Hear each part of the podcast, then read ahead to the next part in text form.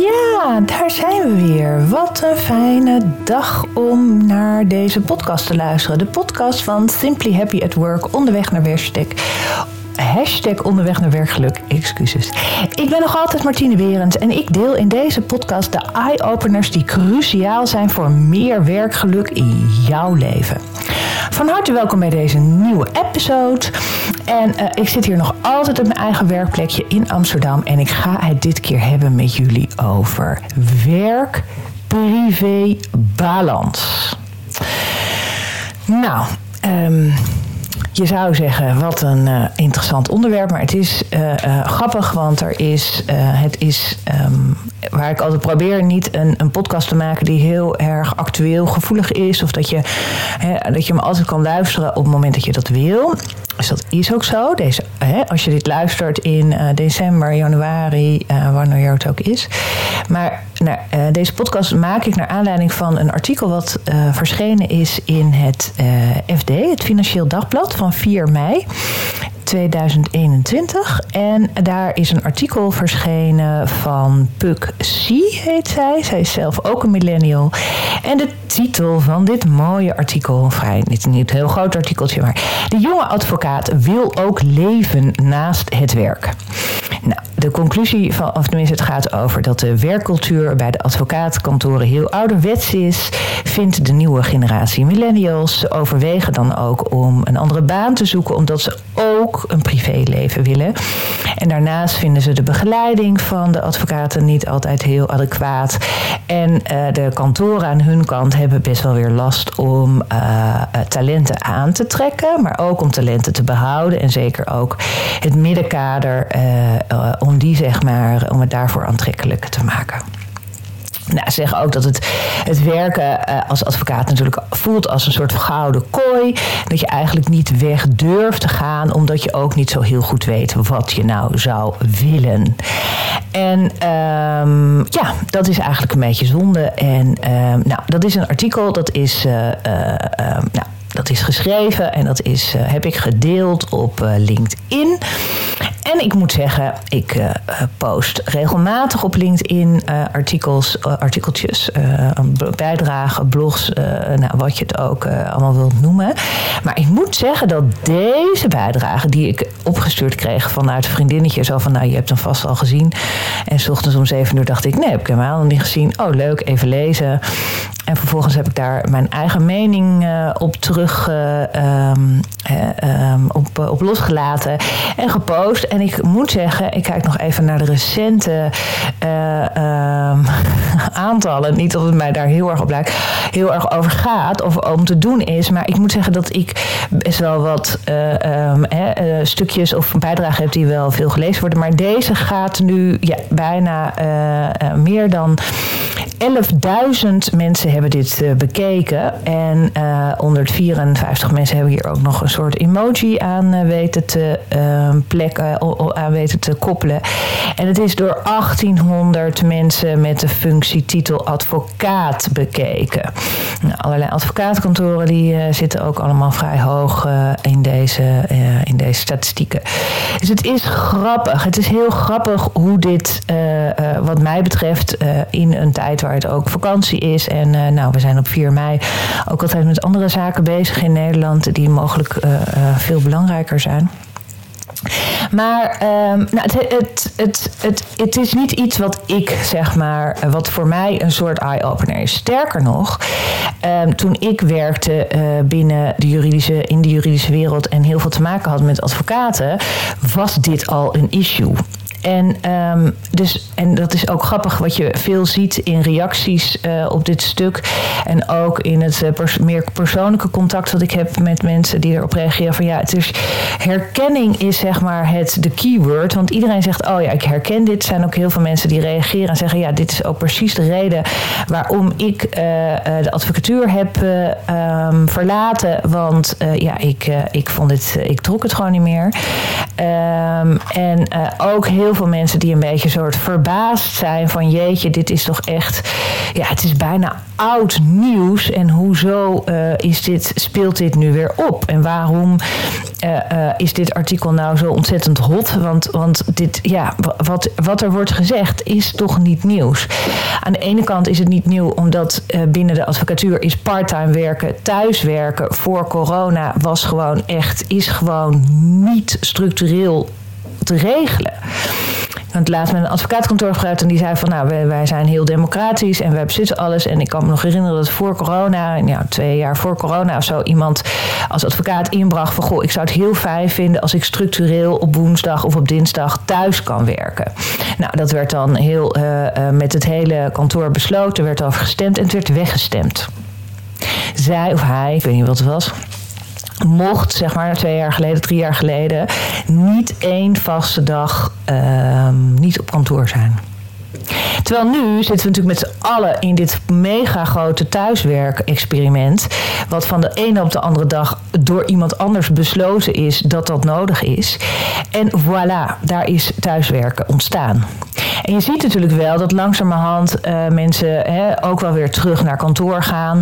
Uh, ik hoor ook als reacties op uh, in dit verhaal wat nu naar boven komt, dat er over advocaatkantoren zei van nou, thuiswerken, Amahula, je komt gewoon naar kantoor. Daar was überhaupt, zeg maar, hè, er was toch echt wel een soort verplichting om naar kantoor te komen. En daar wordt nog altijd heel ingewikkeld over gedaan wat mij betreft raar, maar um, het is zoals het is. En ik denk ook wel dat deze advocatuur is natuurlijk ook wel ontzettend ouderwets.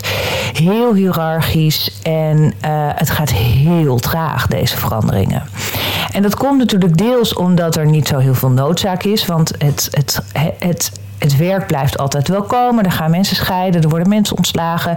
Er gaan bedrijven failliet, er gaan bedrijven samenwerken. Weet je, de, en het, het wordt steeds, wat ik ook, er is nu ook een hele grappige, of een hele, ja, ik vind het een grappige discussie, is er losgebroken binnen de uh, rechterlijke macht. Omdat de rechterlijke macht vanaf 1 april heeft gezegd, alle processtukken die worden ingeleverd worden aan een maximum aantal pagina's uh, um, gekoppeld. Nou, daar, daar vliegt de advocatuur ook weer helemaal overheen, want die vindt dat belachelijk. Want nou, dan komen er allerlei argumenten waarvan ik denk, ja, waar, hoezo? Het kan toch ook korter? En uh, als ik hoorde, ik heb zelf ook op de rechtbank gewerkt. En uh, als ik dan zie en hoor in dat stuk, het is een interview geweest met een aantal advocaten en een aantal uh, rechters. En uh, ja, dus het blijkt dat er een soort trend is binnen de advocatuur ook en binnen de rechterlijke macht ook, dat die stukken dus allemaal maar groter en groter en groter is. En onder het mom van je moet stellen, want anders kan ik daar niks over zeggen. Je moet dingen inbrengen, want anders kan ik daar als rechter niks over zeggen. Ik mag als rechter niet allerlei dingen zelf gaan aanvullen, omdat ik dacht van hé, hey, je bent dat vergeten, maar dat is best wel handig in dit geval. Dat mag een rechter niet. Dus ga je gemakshalve of zekerheidshalve als advocaat maar alles inbrengen wat er je een beetje uh, met losse hagel schieten op, en dan hopen dat de rechter daar de, de elementen uitpikt die voor jou dan essentieel zijn zodat je ook altijd weer een verhaal terug hebt naar je klant, uh, naar je cliënt. Van ja, ik heb er echt alles aan, aan gedaan. En nou, dus daar, daar zit natuurlijk een soort. En dat, en dat blijkt dus dat het alleen maar meer en meer en meer wordt. Dus dat, dat maakt het ook eigenlijk heel. Uh, uh, uh, ja, het is wat dat betreft. Kijk, het grappige is dat uit dit onderzoek blijkt ook um, dat eigenlijk um, 80% van de mensen, geloof ik, vindt het vak op zich, hè, het, het uitvoeren van het vak, het, het ermee bezig zijn, uh, juridisch advies geven aan, aan, aan cliënten, met, met cliënten bezig zijn, nou, dat soort dingen. Dat wordt echt, daar, daar, daar is nog altijd een hele percentage. 82% vindt het werk leuk over het algemeen. Dus dat is, dat is echt een heel hoog percentage. Dus daar ligt het niet aan. En er is ook nog 75% uh, haalt ook best wel veel voldoening uit het werk. Dus vindt het werk wat ze doen niet alleen leuk, maar hebben daar ook wat idee van: van ja, ik, ik, ja, ik haal daar voldoening uit. Het is voor mij betekenisvol. Dus dat is heel grappig. Um, dus daarmee zou je zeggen: hey, daar heb je al twee hele mooie uh, componenten om jouw eigen werkplezier, je eigen werkgeluk uh, in ieder geval heel groot te verhogen. Uh, want dat, dat zit al goed. en het zit dus heel ook, je ziet ook veel dat mensen zeggen van ja, ik vind mijn collega's, meestal zijn de collega's aan de kantoren zijn altijd leuk. Er wordt natuurlijk over het algemeen veel daarbuiten gedaan uh, met borreltjes en, en, en feestjes en uh, vakantietjes en allemaal dat soort dingen. er zitten natuurlijk ook, de, de, de, het ehm, salaris is natuurlijk ook prima. Hè? Daar, daar, en daar heb je natuurlijk uitschieters van, maar over het algemeen word je gewoon goed betaald. Daartegenover staat dat je wel natuurlijk hard werkt. Maar op zich vinden dat, advocaten vinden het op zich ook niet helemaal zo heel erg om hard te werken, want dat hoort erbij. Um, en het heeft natuurlijk ook wel een soort uh, identiteit. Ik merk dat zelf ook. Op, ik ben al bedrijfsjurist geweest. En als ik op een bekende verjaardag was en wat voor, uitlegde wat ik voor werk ik deed, dan was bij bedrijfsjurist moest ik nog even wat uitleggen. Maar als je zegt nee, ik ben advocaat, ja, dan is iedereen meteen ah, advocaat. Uh, weet nog steeds niemand precies wat je doet, maar het is wel duidelijk. Uh, het, het, heeft een soort identiteit. Het is een beetje de dokter, de huisarts en, en de pastoor en de, en de notaris en de advocaat. En daarbij is het natuurlijk ook, als je de advocaatopleiding doet, opleiding doet, heb je natuurlijk echt een perfecte beroepsopleiding van uh, drie jaar gehad. Met veel aspecten. Je ziet natuurlijk ook de laatste tijd dat de orde natuurlijk veel meer aandacht heeft voor uh, ook de niet-inhoudelijke kant van, van het vak. Dus het is gewoon een hele interessante um, opleiding. Maar er zitten ook wel wat downsides aan. En die, die, die, die nadelen of die minpunten zijn natuurlijk eigenlijk altijd een beetje hetzelfde. Namelijk dat de werk uh, voor, dat je heel veel en heel hard moet werken. Dat er gewoon een, de werk-privé-balans uh, eigenlijk niet op orde is. En um, uh, dat het een, een beetje een rare cultuur natuurlijk is. met een soort redrace naar een partnerschap. In een soort piramidevorm. Want jij, als jij binnenkomt, ben jij echt niet verzekerd van die partnerplek na tien jaar. Want dat, dat, daar moet je echt heel hard voor werken. En er is die, de plek aan de top is gewoon uh, beperkt. En um, je merkt natuurlijk de laatste tijd steeds meer dat de huidige groep millennials die de, die de werkvloer opkomen, die hebben gewoon uh, andere uh, zaken, die, die stellen andere prioriteiten en die vinden andere dingen belangrijk. Die zijn niet meer te paaien met een hoog salaris, een leaseauto, een buitenlandse stage, uh, de nieuwste iPhone en uh, um, allerlei bonussen. Daar, daar, halen ze een beetje hun schouders voor op en denken, ja, het interesseert me helemaal niks. Tuurlijk, ik wil betaald worden naar waar ik, um, wat ik bijdraag. Maar ik vind, ik wil ook naast mijn werk, vind ik het ook heel erg leuk om DJ te zijn of een plant om mijn tuin te eh, onderhouden. Of mijn vrienden te zien. Mijn familie te zien. Te sporten. Uh, ik heb ook naast mijn werk een leven. En, um, en zeggen ook van willen veel meer ook gewaardeerd worden voor dat je wat je doet. Willen veel meer begeleid worden in hun ontwikkeling als persoon. Niet zozeer als de inhoudelijke advocaat, maar veel meer als de persoon. En, um, en dat zie je natuurlijk, dat dat die, die groep millennials gaat natuurlijk, is natuurlijk al lang de arbeidsmarkt op. Maar je ziet dat die gewoon ook denken als zij um, naar een, uh, een baan gaan zoeken. Denken van ja, waarom zou ik, waarom zou mijn eerste keuze advocatuur zijn? Als ik ook een superleuke baan kan hebben als bedrijfsjurist bij een een of andere superleuk bedrijf. Uh, en, en inhoudelijk qua werk doe ik daar niet aan onder. Alleen ik heb wel een net wat betere werktijden en, uh, en niet zo'n omzetdruk de hele tijd. Uh, Zo'n zo'n heigerige omzetdruk uh, in mijn nek. En dat is natuurlijk echt wel interessant. En je ziet dus uit dat artikel blijkt, en je ziet ook uit uh, de opmerkingen die ik heb gekregen van mensen die hierop gereageerd hebben, waar ik mee in uh, gesprek ben geraakt, dat dat ook wel uh, voor heel veel mensen zeg maar, de reden is geweest om uit de advocatuur te gaan. Um, er is een soort idee van je moet heel veel uren maken, want anders ben je niet ambitieus en word je nooit een goede advocaat. Dat daar zit een soort, ja, soort, soort oorzaak oorzaak-gevolgredenering in die ik totaal niet kan volgen. Want ik, mer ik denk ook dat er heel veel mensen op kantoor zitten en blijven zitten omdat nog niemand weg is gegaan. En denken, nou, ik wil niet de eerste zijn die weggaat. En um, daarna denken ze van ja, ik, uh, uh, ik, ik moet werken. Maar of er nou heel effectief al die tijd dat ze op kantoor bezig zijn en aanwezig zijn, of ze echt allemaal heel productief bezig zijn, ik durf het te betwijfelen. Sterker nog, er zijn genoeg onderzoeken waaruit blijkt dat jij echt niet 10, 12 uur per dag, week in, week uit productief bent. Dat kan gewoon niet. Dat bestaat niet. En uh, dus het is eigenlijk altijd wel de onzin. Een van, die, uh, van de quotes was ook in dat artikel van het, uh, in het Financieel Dagblad. Um, werken op de Zuidas kan niet in 32 uur per week. Nou, ik zou zeggen, wie zegt dat? Nou, dat zegt deze Pieter van Lochte. Uh, ik zou zeggen, nou, wat een klinkklare nonsens. Wat een onzin. De norm is namelijk geworden dat je 80 uur per week werkt. Maar wie zegt dat dat nodig is? Dat is per definitie niet nodig. Ik denk sterker nog, ik denk dat door deze, uh, dit grote wereldwijde thuiswerkexperiment, zoals je corona ook zou kunnen zien, uh, uit dat experiment blijkt dat het niet nodig is. Omdat iedereen vanuit huis aan het werken is. En jij op een gegeven ogenblik gewoon als advocaat kan zeggen: hey, weet je, ik heb uh, mijn rapport geschreven, ik heb mijn advies geschreven, ik heb die gebeld, ik heb die gebeld. Ik heb duidelijk wat ik morgen allemaal uh, ga doen. Weet je wat? Ik ben klaar. Laptopje dicht. Morgen weer een dag. En op kantoor doe je dat minder snel waarschijnlijk. Ook omdat je natuurlijk nog meer wordt afgeleid door allerlei collega's die nog even wat van je willen. Of dat je even nog de voetbaluitslagen aan doornemen bent of alle andere dingen. Die heel noodzakelijk zijn, hè? die heel goed zijn voor de verbinding. Wat ook een heel essentieel onderdeel is van het werkgeluk. Laat dat duidelijk zijn.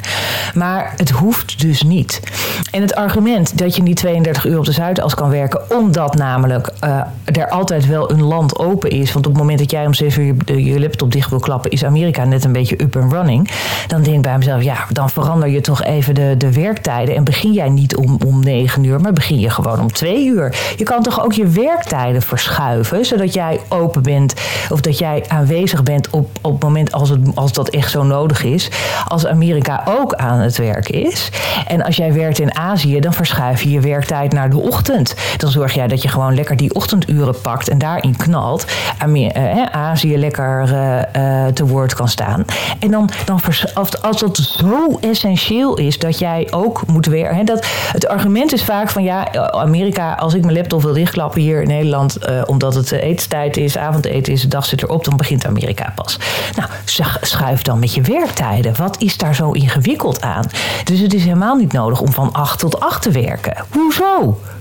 Ik snap dat serieus niet. Ik snap het echt niet. En ik denk dat dat ook een beetje een soort. Uh, we houden ons wat dat betreft, denk ik, met z'n allen een beetje voor de gek dat het niet mogelijk is. Ik zou zeggen, in plaats dat je zegt met z'n allen heb besloten of erin is geslopen dat 80 uur per week op de Zuidas de norm is, bepaal maar eens even met z'n allen dat, uh, nou laten we niet meteen van 80 naar uh, 40 gaan, maar bepaal maar eens even dat 50 uur per week de norm is op de Zuidas. Hoezo niet? Ik denk dat dat ook met z'n allen een beetje elkaar een beetje gek maken. Uh, je maakt elkaar allemaal een beetje gek. Je houdt elkaar allemaal een beetje een soort uh, spiegel voor. Uh, dat, dat, dat er dus een, een, verband zit tussen heel veel uren maken, heel hard werken, daardoor dus heel hard werken. Heel inefficiënt wat mij betreft. En daar alleen ambitieus zijn en dus alleen dan een goede advocaat kunnen zijn. Nou, ik, bij mij gaat die vlieger absoluut niet op.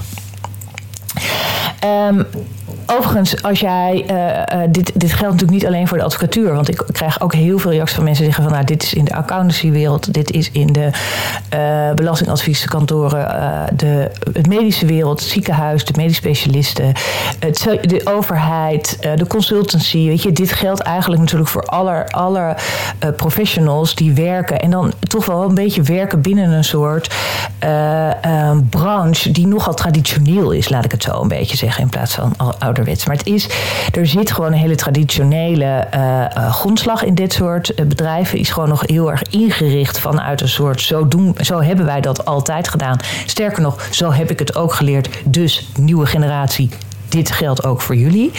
En die nieuwe generatie zegt heel erg van nou nee hoor, dat, zo gaan wij dat niet doen. En in plaats van dat ze, denk, zo, eh, dat ze zeggen, hè, dat ze denken wij gaan dit zo niet doen, doen ze het ook nog zo. Dus ze gaan daadwerkelijk gewoon, uh, het, ze doen het gewoon niet meer. En zij hechten inderdaad waarde aan andere zaken. En in plaats dat we nu met z'n allen gaan denken, nou ja, uh, een beetje inhakken op die nieuwe generatie van ja, maar zo werkt het niet, zo werkt het niet, zo werkt het niet. Jullie moeten je toch echt gaan aanpassen aan zoals het altijd nu gaat en zoals wij er altijd mee weg zijn gekomen, denk ik ook. En wij denken het beter te weten. Hè. Dat is ook een beetje natuurlijk een eigenschap van advocaten, wat mij betreft. Het altijd denken beter te weten, of zeker te weten. Um, is het denk ik tijd om uh, die kloof met elkaar te gaan dichten en naar elkaar te gaan luisteren. En naar elkaar te, te, horen wat we nou precies zeggen, wat we hier nou precies mee willen, uh, wat we hier nou precies mee bedoelen. Um, en uh, um, kijken waar we nader tot elkaar kunnen komen. En um, dat betekent dus dat die, de huidige generatie partners, de wat oudere partners, ook echt daar open voor zullen moeten staan om te kijken. En niet alleen maar denken van, nou ja, weet je, ik, uh, ik zit hier nog vijf, zes jaar na mij de zonvloed en uh, uh, zoek het allemaal maar uit. Maar dat je echt serieus gaat kijken naar hoe kan jij deze cultuur en deze werkcultuur die er is ontstaan, hoe kan jij die veranderen? En hoe kunnen we die met elkaar gaan veranderen? En wat zijn nou de belangrijke dingen uh, die wij, uh, uh, waar wij waarde aan hechten? Die wij terug willen zien in ons eigen bedrijf en die we ook willen zien bij onze klanten. En dit hele verhaal is gewoon eigenlijk opnieuw uh, gaan inrichten. Ik heb natuurlijk ook in mijn vorige podcast ook al gezegd over het aannemen van een twijfelaar. Dat, dat, dat kan je natuurlijk hier ook een beetje op loslaten. Kan je eigenlijk op alles loslaten waar we nu uh, tegenaan lopen. Om gewoon echt eens even heel goed te gaan kijken naar wat willen we nu? Waar komen we vandaan? Wat willen we niet meer? Uh, en hoe gaan we dit dan met z'n allen gaan? Hoe gaan we dit nou inrichten? Nou, um, er is een heel um, een, een, filmpje die ik best wel vaak gebruik in trainingen en workshops uh, die ik geef. En dat is van Prince E. Uh, en Prince E of EA, ja, een E en een A. Ik weet echt niet hoe je het uitspreekt. Een Amerikaanse uh, meneer die ook op zijn Amerikaans een heel mooi filmpje heeft opgenomen over. Um, je work-life balance, zoals hij dat noemt. En uh, dat gaat zo erg over van je bent dus heel hard aan het werk. Het grootste deel van je leven ben je aan het werk. Zorg dan dat je werkt. Uh, doet wat je werk, wat je leuk vindt. En, en, en leef niet. Hij noemt het de hele tijd in de end then en then. Uh, misschien herken je wel jezelf wel van nee, als ik mijn studie heb afgerond, dan word ik gelukkig. Als ik nu eenmaal mijn eerste baan heb gevonden die bij me past, ja, dan ga ik echt gelukkig zijn. Als ik mijn studie heb afgerond en mijn op opleiding heb afgerond. En als ik die promotie ga krijgen, ja, dan ga ik gelukkig worden. Als ik die vriendin of vriend ga vinden en daarmee een gezinnetje ga stichten, dan ga ik heel erg gelukkig worden. Nou, zo heeft hij heel mooi een. Uh, nou, je snapt wel een beetje waar het naartoe gaat. En hij zegt elke keer van ja, hou eens op met dat hele tijd denken van en then, en then, en then. If I get this, then I get, I get happy. Hij zegt, word gewoon nu, op dit moment, word op dit moment gewoon al heel gelukkig. En um, want Happy People, dat is natuurlijk het John Anker uh, onderzoek van Harvard. Hè, happy People zijn intelligenter, productiever, creatiever. En in die end verdienen ze ook meer salaris. En wat misschien nog wel het leukste is, het mooiste bijvangst. Je leeft ook nog langer. Nou, het is een, uh, een interessant uh, uh, filmpje, een interessant verhaal. En wat hij ook daar heel erg in zegt, is ook van jongens, ik geloof eigenlijk niet zo in deze work-life balance. Um, en ik ben het daar zo met hem eens. Ik vind het ook altijd zo raar dat we het hebben over werk-privé-balans. Um, want ik denk, en dat ben ik met hem eens, dat, er, dat jij hebt, jij leeft momenteel één leven. En het is niet zo dat je een work-life. Weet je, het is ook raar dat je een leven hebt en werk. En alsof dat een soort twee entiteiten zijn die naast elkaar bestaan. Dus als je aan het werken bent, dan ben je niet aan het leven. En als je aan het leven bent, ben je niet aan het werk. Dat is raar. Je hebt gewoon, je leeft momenteel je enige leven wat je hebt. Hè? Er is geen generale repetitie. Dit is het leven waarin je het gaat doen. Iemand zei ook van, het doet me ook heel erg denken aan de five regrets je hebt. Hè? Op het moment dat je op je sterfbed ligt, zijn er, blijken er vijf dingen te zijn waar je spijt van hebt. En onder andere is het spijt dat ik mijn hele leven heb gewerkt, spijt dat ik mijn kinderen nooit heb gezien, spijt dat ik niet heb gedaan wat ik eigenlijk zou willen doen, spijt dat ik altijd naar anderen heb gekeken voor, nou ja, dat moet je maar eens naar kijken. Dus je leeft je leven nu. En het is niet zo dat die werk daarin een soort over, over dat, dat, dat je, je werkt niet om te leven. Het is andersom. En het werk is een onderdeel van je leven. En laat dat een heel fijn onderdeel zijn. En laat dat een onderdeel zijn waar je plezier in hebt, waar al jouw talenten tot uitdrukking komen en waar je echt een bijdrage aan levert, daar je zingeving aan hebt. Wat ik ook heel veel heb teruggekregen in de gesprekken die ik heb gehad naar aanleiding van deze post op LinkedIn, is dat heel veel mensen de advocatuur hebben verlaten. Juist van deze, om deze reden. Omdat het niet matchte met hoe zij er tegenaan keken, hoe zij in het leven staan. Omdat ze geen begeleiding kregen. En wat ik ook eigenlijk wel een beetje terugvond, waren vooral van heel veel jonge advocaten en ook wel een beetje mensen die aan het studeren zijn. Denk van jeetje, ik eh, herken hier heel veel in. En heel erg had ik het idee dat ik daar een beetje alleen in was. Dat ik de enige was die dit dacht. Maar nu ik dit artikel zie en nu ik ook zie hoeveel mensen dit uh, herkennen en daar reactie op geven, ben ik blij dat ik niet alleen sta. Nou, dat vond ik eigenlijk heel mooi. Maar aan de andere kant dacht ik ook wel, ja, dat is ook wel, um, ja, wat mij betreft, dat eentje zei ook van, ja, wat jeetjes jongens, dit is oud nieuws. En waarom zijn we hier nou nog zo met z'n allen mee bezig? En waarom is er niet al zoveel veranderd? En natuurlijk maak ik hierbij ook zeker uh, de kanttekening van een aantal uh, mensen die zeggen: joh, mijn kantoor heeft er echt aandacht voor. En ik ken ook een aantal kantoren die, het echt, die er echt aandacht voor hebben. En niet alleen op hun website zeggen dat ze er aandacht voor hebben, maar dat ook daadwerkelijk doen, omdat ze gewoon de hele bedrijfscultuur anders hebben ingericht. Ze hebben gewoon een vierdaagse werkweek. Ze hebben gewoon uh, een partner ben jij, maar ben je niet voor je leven. Het is mega transparant. Iedereen weet van iedereen wat hij verdient. Alles is transparant. De jaarcijfers, de maandcijfers, de kwartaalcijfers, alles, alles, alles. En daarmee creëer je natuurlijk ook een veilige cultuur, waardoor, waar, waarmee je met van alles kan uh, uh, met bespreken met van alles met elkaar. Dat is natuurlijk ook wel essentieel. Er is ook wel um, een, een, eh, een, onderzoek gedaan door een oud advocaat.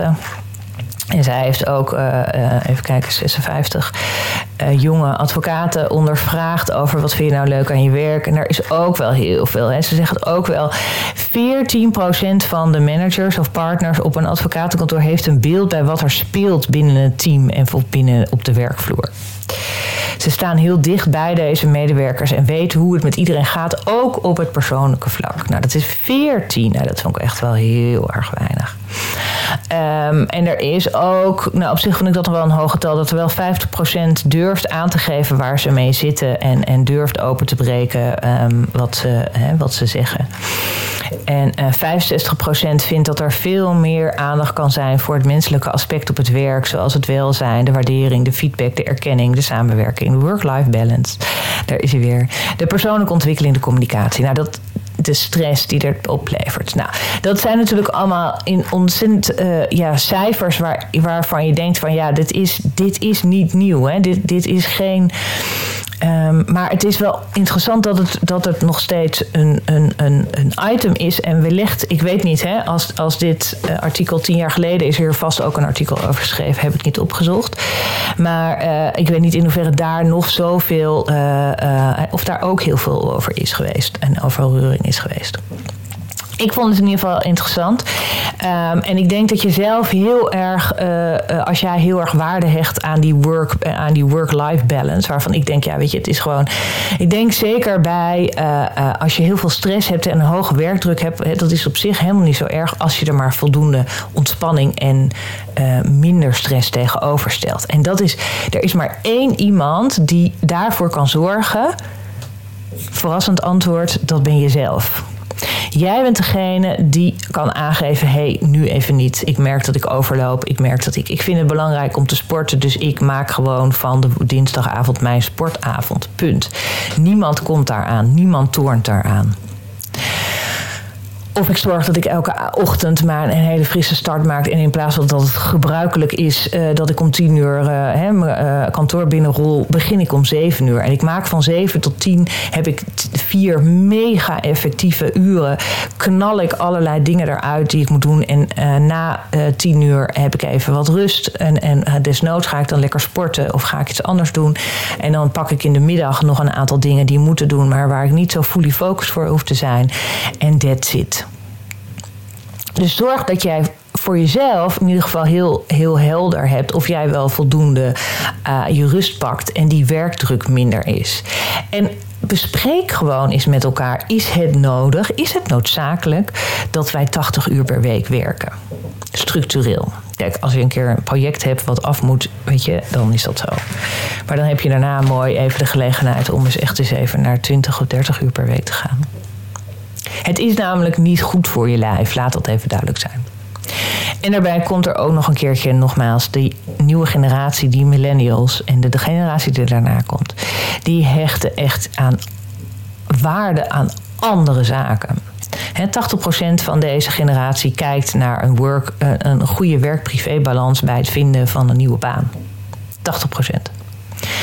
Knoop in je oren. Dit is belangrijk of niet. Je kan het ook zeggen. Ik heb ook wel advocaat gehoord. Die zei van nou ik sla deze millennial generatie even over. Uh, ik kan er niet mee omgaan. Um, en ik wacht op die generatie die daarna komt. Het is ook een hele interessante uh, redenering. Alleen ik denk dat, dat, je dat, dat je niet redt dan met je bedrijf. Maar dat even een kleine side note. Oké, de werk-privé-balans binnen de advocatuur en binnen allerlei andere professionals uh, is een item. Het is belangrijk voor de huidige generatie. En um, het is aan jullie ook om daar uh, aandacht aan te besteden. Um, maar ga daar ook vooral zelf heel erg mee aan de slag. Want dat is denk ik eigenlijk, uh, jij hebt de sleutel zelf in handen. Word bewust van je werkdruk. Word bewust van wat jij belangrijk vindt. En bespreek het. Vind uh, medegenoten, vind ambassadeurs, vind fans die jou uh, en bedenk een leuk plan om hiermee aan de slag te gaan. Nou, ik zie alweer, ik, dit is echt een onderwerp waar ik zelf ook veel uh, op uh, aanga. En dat ik uh, ruim over de normale tijd ben heen gegaan. Ehm, als je dit ook een leuk onderwerp vindt, dan zou ik het leuk vinden als je een review achterlaat. Dat je met me meepraat, dat je vragen stelt. Reageer op de LinkedIn-post van 4 mei. Ehm, of laat me op een andere manier weten wat jij ervan vindt. Vind ik heel leuk. Um, dank je hartelijk voor het luisteren. Zoals je weet heb ik een hele serie opgenomen die je op je gemak kan luisteren via Spotify, Google Podcasts of Soundcloud. Superleuk als je dus een opmerking achterlaat of een review. Ook leuk, want dan weten nog meer mensen van deze podcast. En dan uh, zorgen we met z'n allen dat iedereen wat meer werkgelukkiger is op zijn werk. En um, nou, superleuk. Binnenkort hebben we ook weer een broodje geluk. En uh, dat is een superleuke 45 minuten online uh, boost voor meer werkgeluk. Gaat dit keer ook voor de werkstress en de werkdruk. 24 juni kan je alvast in je agenda zetten. Is ook gratis. Kan je aanmelden via uh, LinkedIn. moet je even aangeven dat je daar naartoe wil. En dan krijg je van mij een linkje. En dan met een meer gegevens en meer details. Superleuk. Heel veel dank voor het luisteren. Graag tot de volgende podcast van hashtag onderweg naar werkgeluk van Simply Happy at Work. Dank jullie wel.